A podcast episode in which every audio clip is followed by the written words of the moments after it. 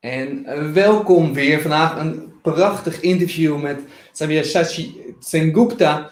En uh, zeven jaar geleden, het is een prachtig, prachtig verhaal. Um, zeven jaar geleden stond hij op het punt om Nederland te moeten verlaten. Zijn verblijfsvergunning werd uh, niet verlengd als hij niet een baan zou hebben.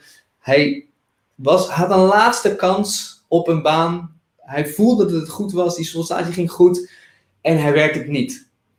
Zijn wereld stortte in. Hij zou weer terug moeten naar India, naar een plek waar hij eigenlijk niet terug wilde. Maar ergens in, in zijn hoofd hoorde hij een stemmetje van het is pas gedaan totdat de laatste ronde, totdat de laatste minuut is ingegaan.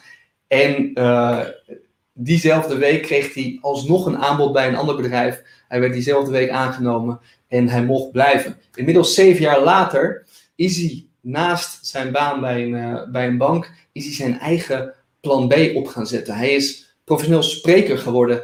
Hij is zich daar helemaal in, in gaan verdiepen. Heeft uh, prijzen gewonnen, internationale prijzen voor beste spreker. Hij heeft TED-talks gehouden. Hij wordt nu uh, ingevlogen om bepaalde.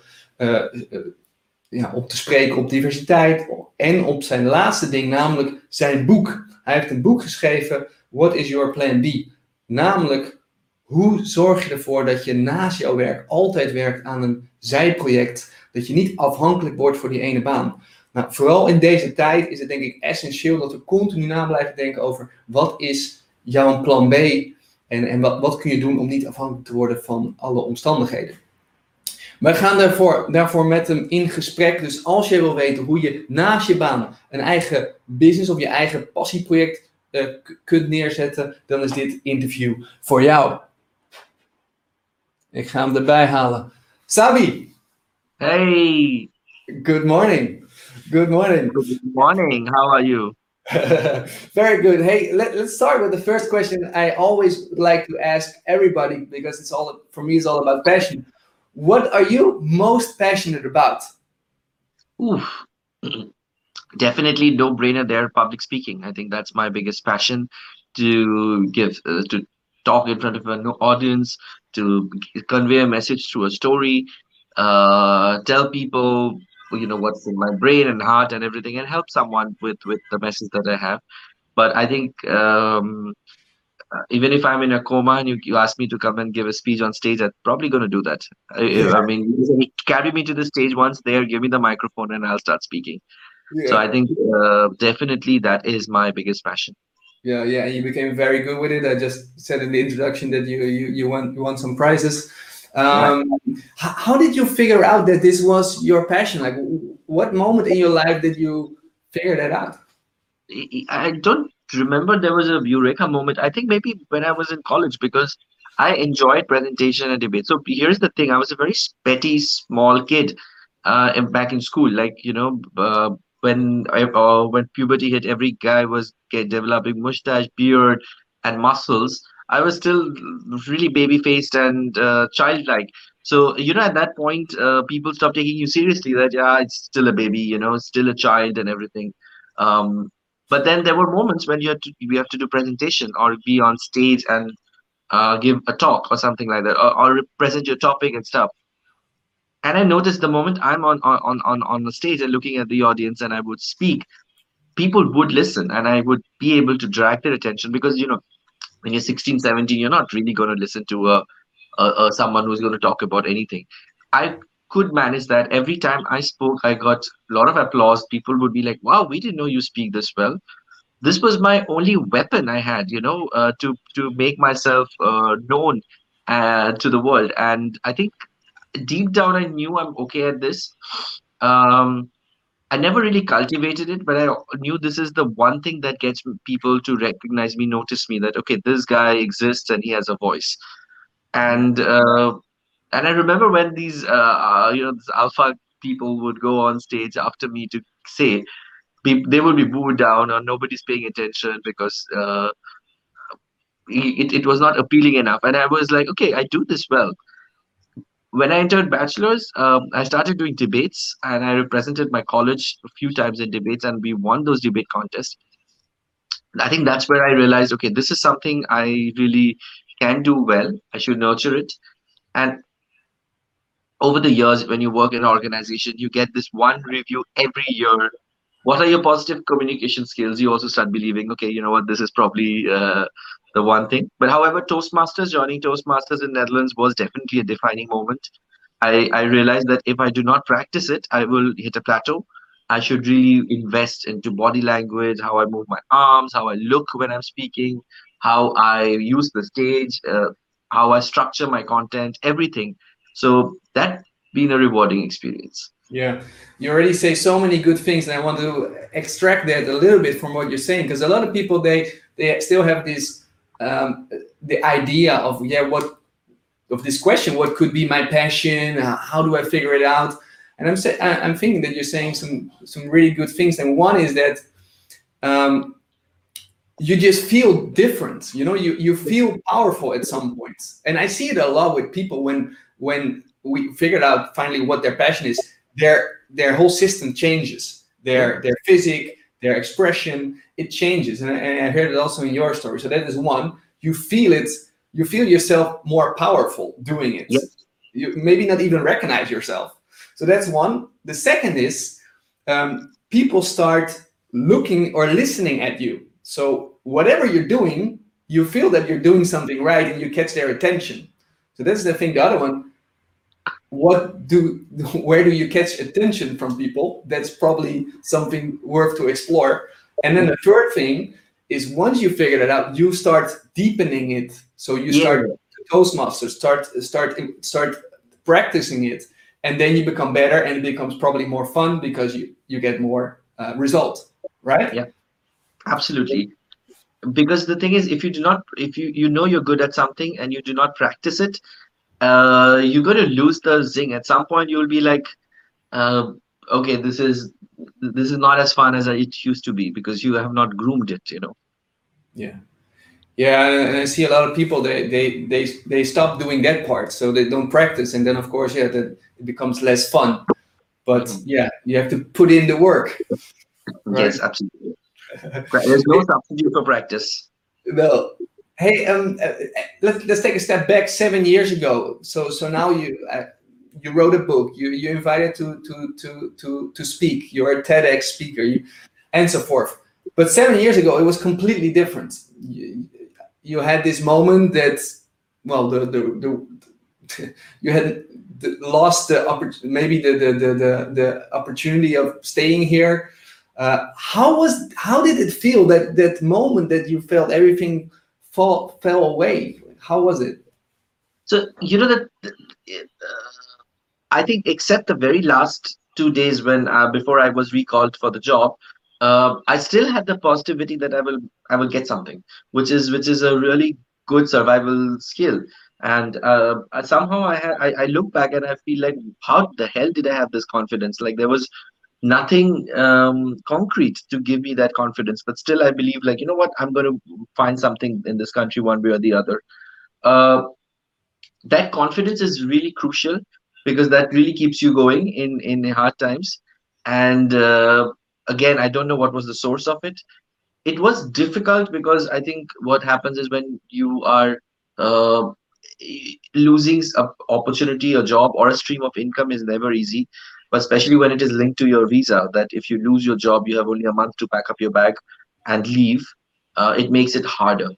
And and it's not like you can um, i come from india and so it's not like uh, okay i go back to india today and a month later i'll come back to netherlands. It's not that easy. It is it is you have to really go through the visa process and uh, like it's it's it's a herculean task. You to once you're here and you're in the system it's much easier to find a job than when you go back to india and find something. And it's uh, yeah it's, it's it would have been difficult for sure. Uh, yeah it was extremely difficult period but i think i i what helped me was i had positivity a little. And i i spoke to a lot of friends. Most of my friends close ones were aware of my situation. So whenever they could find an opportunity they would put me in contact with that, which was really helpful. Wow. So so keep having contact and keep explaining your situation. Talk about it. That also helps a lot in difficult situations. Yes. I can imagine there. Sorry, go ahead. No, no, no. I, I think that's one thing I, I, I wrote in the book, and I want to really emphasize when you are going through a crisis period, do talk to people who you trust who are in your close knit because um, it, it, it, it helps. Don't keep it to yourself uh, because I know it can be overwhelming. It can be, I don't want to talk about this uh, situation. A lot of people have that. I have that too. But once you share it with the close knit people, you will be surprised with the kind of advice, suggestion, uh, help you get. Uh, if not anything, sometimes even positivity, which is also a very, very important thing to have in times of uh, crisis. Yeah, I think it's a very good one. It's, it's, it's hard because you have to be vulnerable. You have to tell what you what how it really is. And uh, yeah, I remember I, I, see it myself as well. Like I, I I have many hard times during a year. Like oh man, why why why why uh, does it is it so hard? And then when I start expressing it, I, I do get a lot of love and a lot of help. Sometimes from people that I never expected. Yeah. So, eh, eh, so eh, and somehow it also it, it it connects a lot more with those people like yeah. being vulnerable and and getting receiving that help yeah i have very strong feelings with these people now. So that's the, i think the extra um, uh, benefit right? Hey you you in that year because of your hope because you stayed positive even though it was a, a difficult situation you got this job. You started you decided to have to never be dependent on one job anymore. So you started your own uh, yeah your own I, I don't think it was it was that decision. Um this the reason i started this side hustle was again because of uh, my friend uh, network actually a very experienced speaker from uh, spain. He lives in barcelona by the way florian Mueck. Yeah, he was he told me at a conference he heard heard me speak uh, in 2015 and he's like so what do you do for a living? And he was like why aren't you a professional speaker? You're wasting your life. You should do this and he really cajoled me to really buy my domain and venture this world. He's like i'll help you which he did. And he was extremely motivating and pushing and persuasive. And at some point it was fun also. I also realized when i go on stage and give speeches make some extra money it's it's still it's it's, it's still something i super enjoy i mean. And I, I continue doing that. And I, I, of course money is a factor but one of the reason i do it is because i really enjoy it. Yeah exactly so again yeah i try to extract what things you're saying between the lines but you had somebody who who kind of grabbed you say hey you have you have some yep. abilities. Let's let's put it into work. Let's let's make something out of it. And he grabbed you he motivated you.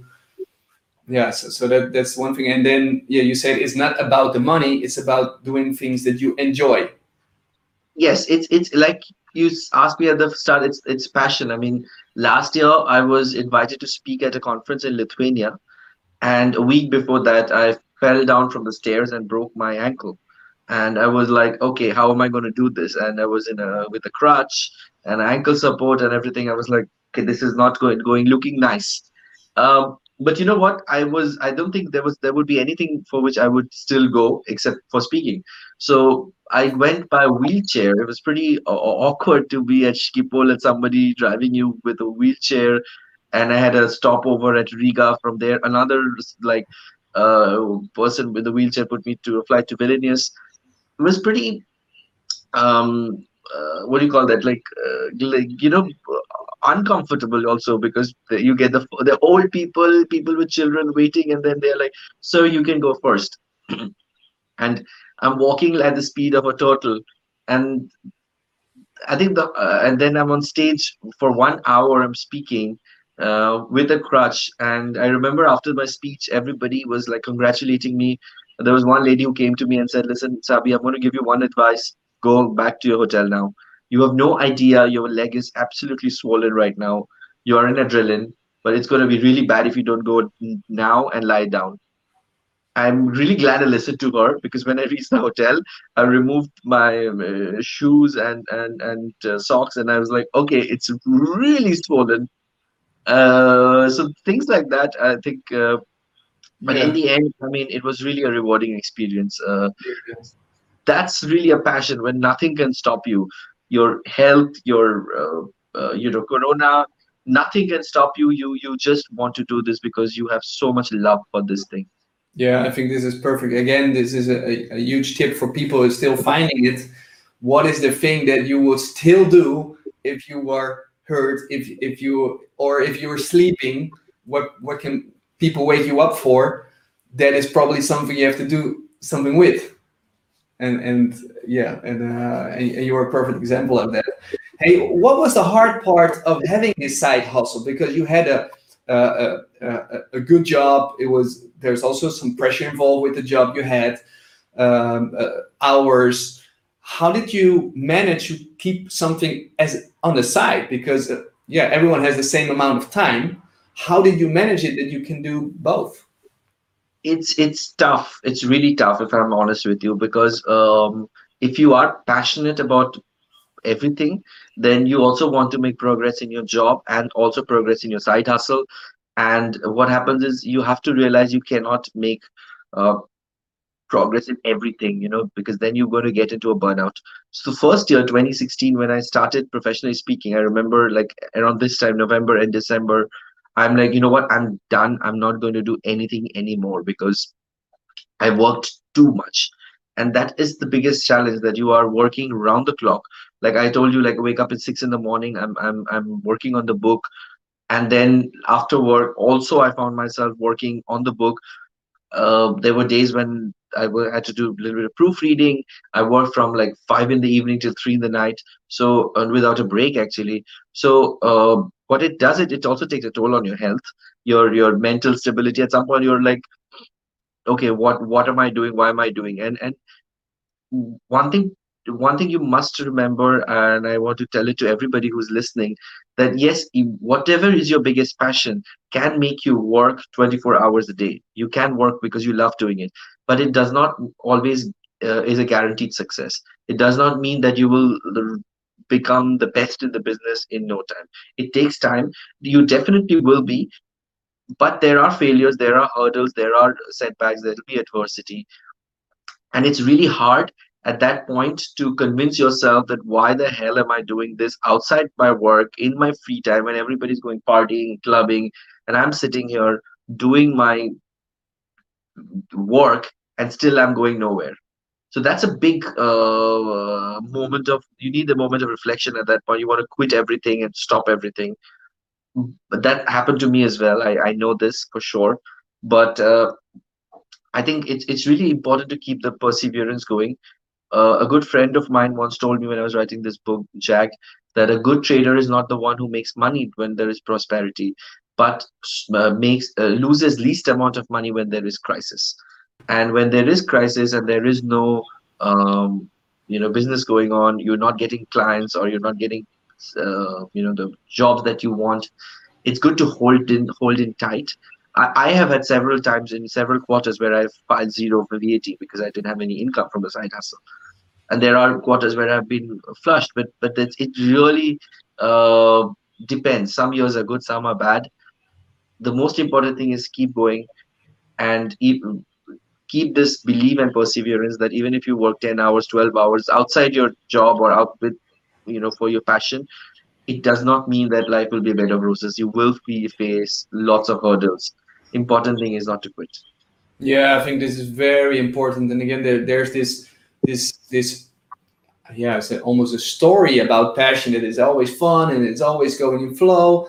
It's not you know to be able to to to work on your passion or to to to get results in your passion you need to put in the work the sacrifices where other people go party you decide to write one hour more about a book or something you, you like doing so yeah, I think it's good that you pointed out as well um, because there's a lot of misconception about this part.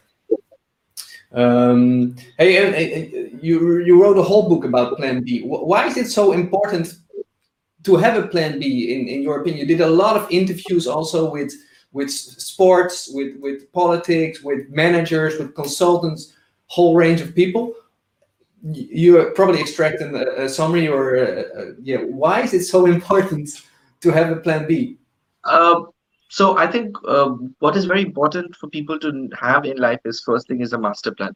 So in the book, I give an example that your best friend is getting married in Spain, uh, say Malaga, and you are the ceremony master. You, reach the airport and the flight is cancelled. What will you do? Will you stop? You won't go?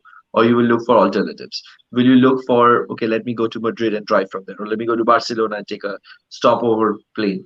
You will look for alternatives. You will look even for a train that takes you to paris and from paris you can fly. You will look explore all the thousand options that's there. And similarly it, it is in our career. We all should have a master plan which is like to a goal or a target that we want to reach for example you, if you're a youtuber you want a million subscriber. If you are a manager in a company you want to become the ceo if you are uh, if you are if you want to retire in next five years and you want to have x amount of money in your bank account before you retire that's your master plan. And, and nobody should define that master plan for you. You define it. Whether it is in like you know uh, in the organization you're doing or outside the thing you're doing or or make your passion your job anything can be your master plan now, to reach that goal, that that wedding, that master plan, things will go wrong. Things will not go according to your plan. Things will fall. There will be a corona. There will be a crisis. There will be situations that are beyond your control. There, you need a plan B to to convert these actionable plans into into a plan B so that you ultimately reach your master goal. Wow. Okay, that's cool. So so the starting point is have your master plan ready, have your destination in what form of shape, whatever, but have it visualized.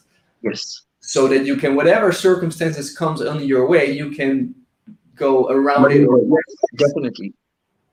And I, I, can imagine that this this master plan, you really need to feel it in your whole core, right? Because otherwise, you go, okay, there's a circumstance. I'll go. I put something else yeah but the master plan does not have to be always a 20 year plan. It can be also a one year plan or two year plan.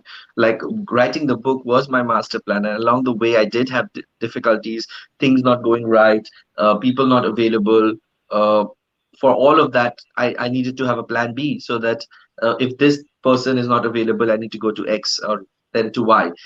But the master goal was to finish the book and i think it your master plan can be as small as yeah writing a book or as big as having a million euro before you retire right? I mean just uh, there you need to you define what is your master plan. You need you define your goal and then you go you uh, find the plan b's for those actionable plans that you need to take uh, to reach that master plan. Yeah i love it. And, and what what makes what do you see um, that makes it difficult for people to have this plan b along the line? What what do you see what do you see people facing?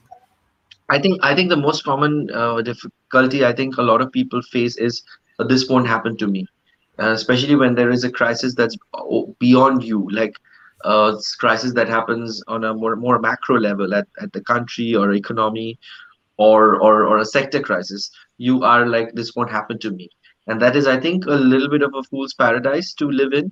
Like especially say something like the corona a lot of people initially thought this won't happen to me and still a lot of people who are employed right now are convinced that this won't happen to me. And i think this, this that's an attitude that is uh, uh, very difficult to you know uh, uh overcome because I, I, the book I, i've drawn a graph of people who have a plan b. They they build uh, their uh, you know plans when there is no crisis and when the crisis really hits you like a corona they they don't react at that point when you are going through a really bad time they are just observing they're just like staying put. And once it's over they bounce back.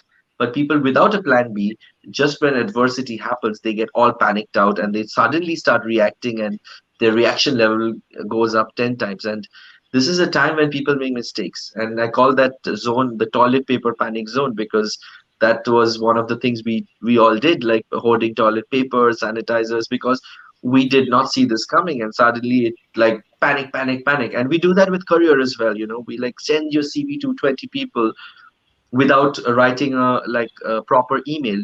Even if somebody is a close contact you should write a decent email saying listen i'm looking for opportunity. Do you have something? I'm looking in the xyz field Instead, when you're panicked, you just send your resume saying, hey, here, please find my resume attached. Please let me know if you know any opportunity. Do you think you're going to get a response out of that? I really doubt.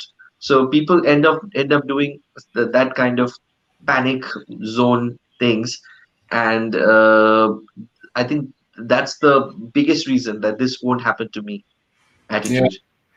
Yeah, it's good. It's good that you say so. So basically, what you're saying is people without having a plan B, when there comes a crisis, they just go into panic mode and they, they or in, in in freeze mode. They don't do anything, or they start doing things that don't really get results. So they panic even more and uh, and so forth. So it's, it's really important to always have your master plan or to have your plan B. Your especially during especially now um, to to have that ready, to have that to not to have it ready, but to keep working on it. Yeah. Right.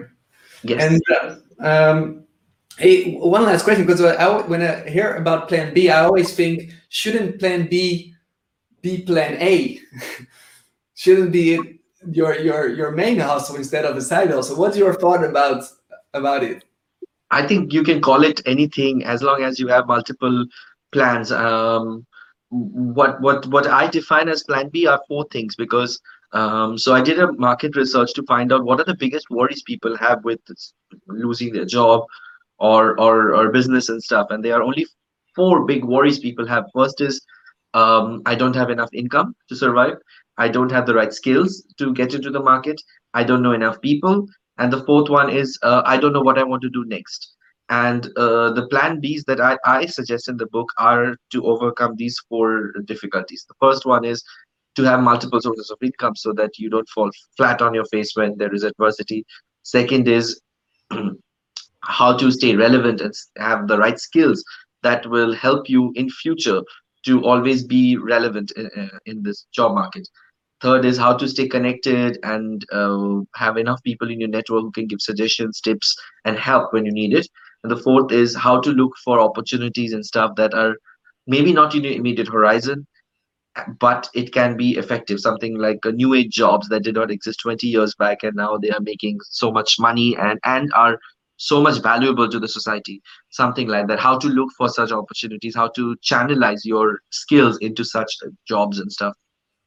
Yeah, perfect. I love this this this last thing you mentioned in these four areas. Hey, um, if people want to want to read your book, where is it out? I think it's on Amazon. It's on where can it's on Amazon, it's on bol.com uh, for the dutch readers it's definitely on bol.com it's on managementbook.com it's on every dutch uh, portal. Uh, for the international amazon.com it's there. It's both kindle and paperback. Yeah. Um, so yeah. Just look what's your plan b you'll find it. What's your plan B? And if people want to follow you, I because Sabi has a difficult name, I have it here in the in the description, uh, so you can look him up on uh, on LinkedIn, on Facebook. Um, but definitely worth um, reading his book. What's your plan B? Uh, Sabi, very very very grateful to have you here and, and and listening to your your fuss. You did a lot of research on in this book. You have your own journey. It's I think it's very admirable how you did it, and, and what you bring here as well in the interview. So I want to thank you a lot um, for the for the for the people. If you want to keep posted of new interviews, don't forget to subscribe. Um, every week we have very cool guests like Sabi, um, yeah, telling them about their story, the, their journey to passion, and, and and and tips that they can give. So Sabi, thank you very much. Pleasure. It's been honor. Yes. And uh, and to every people, everyone listening or watching, see you soon.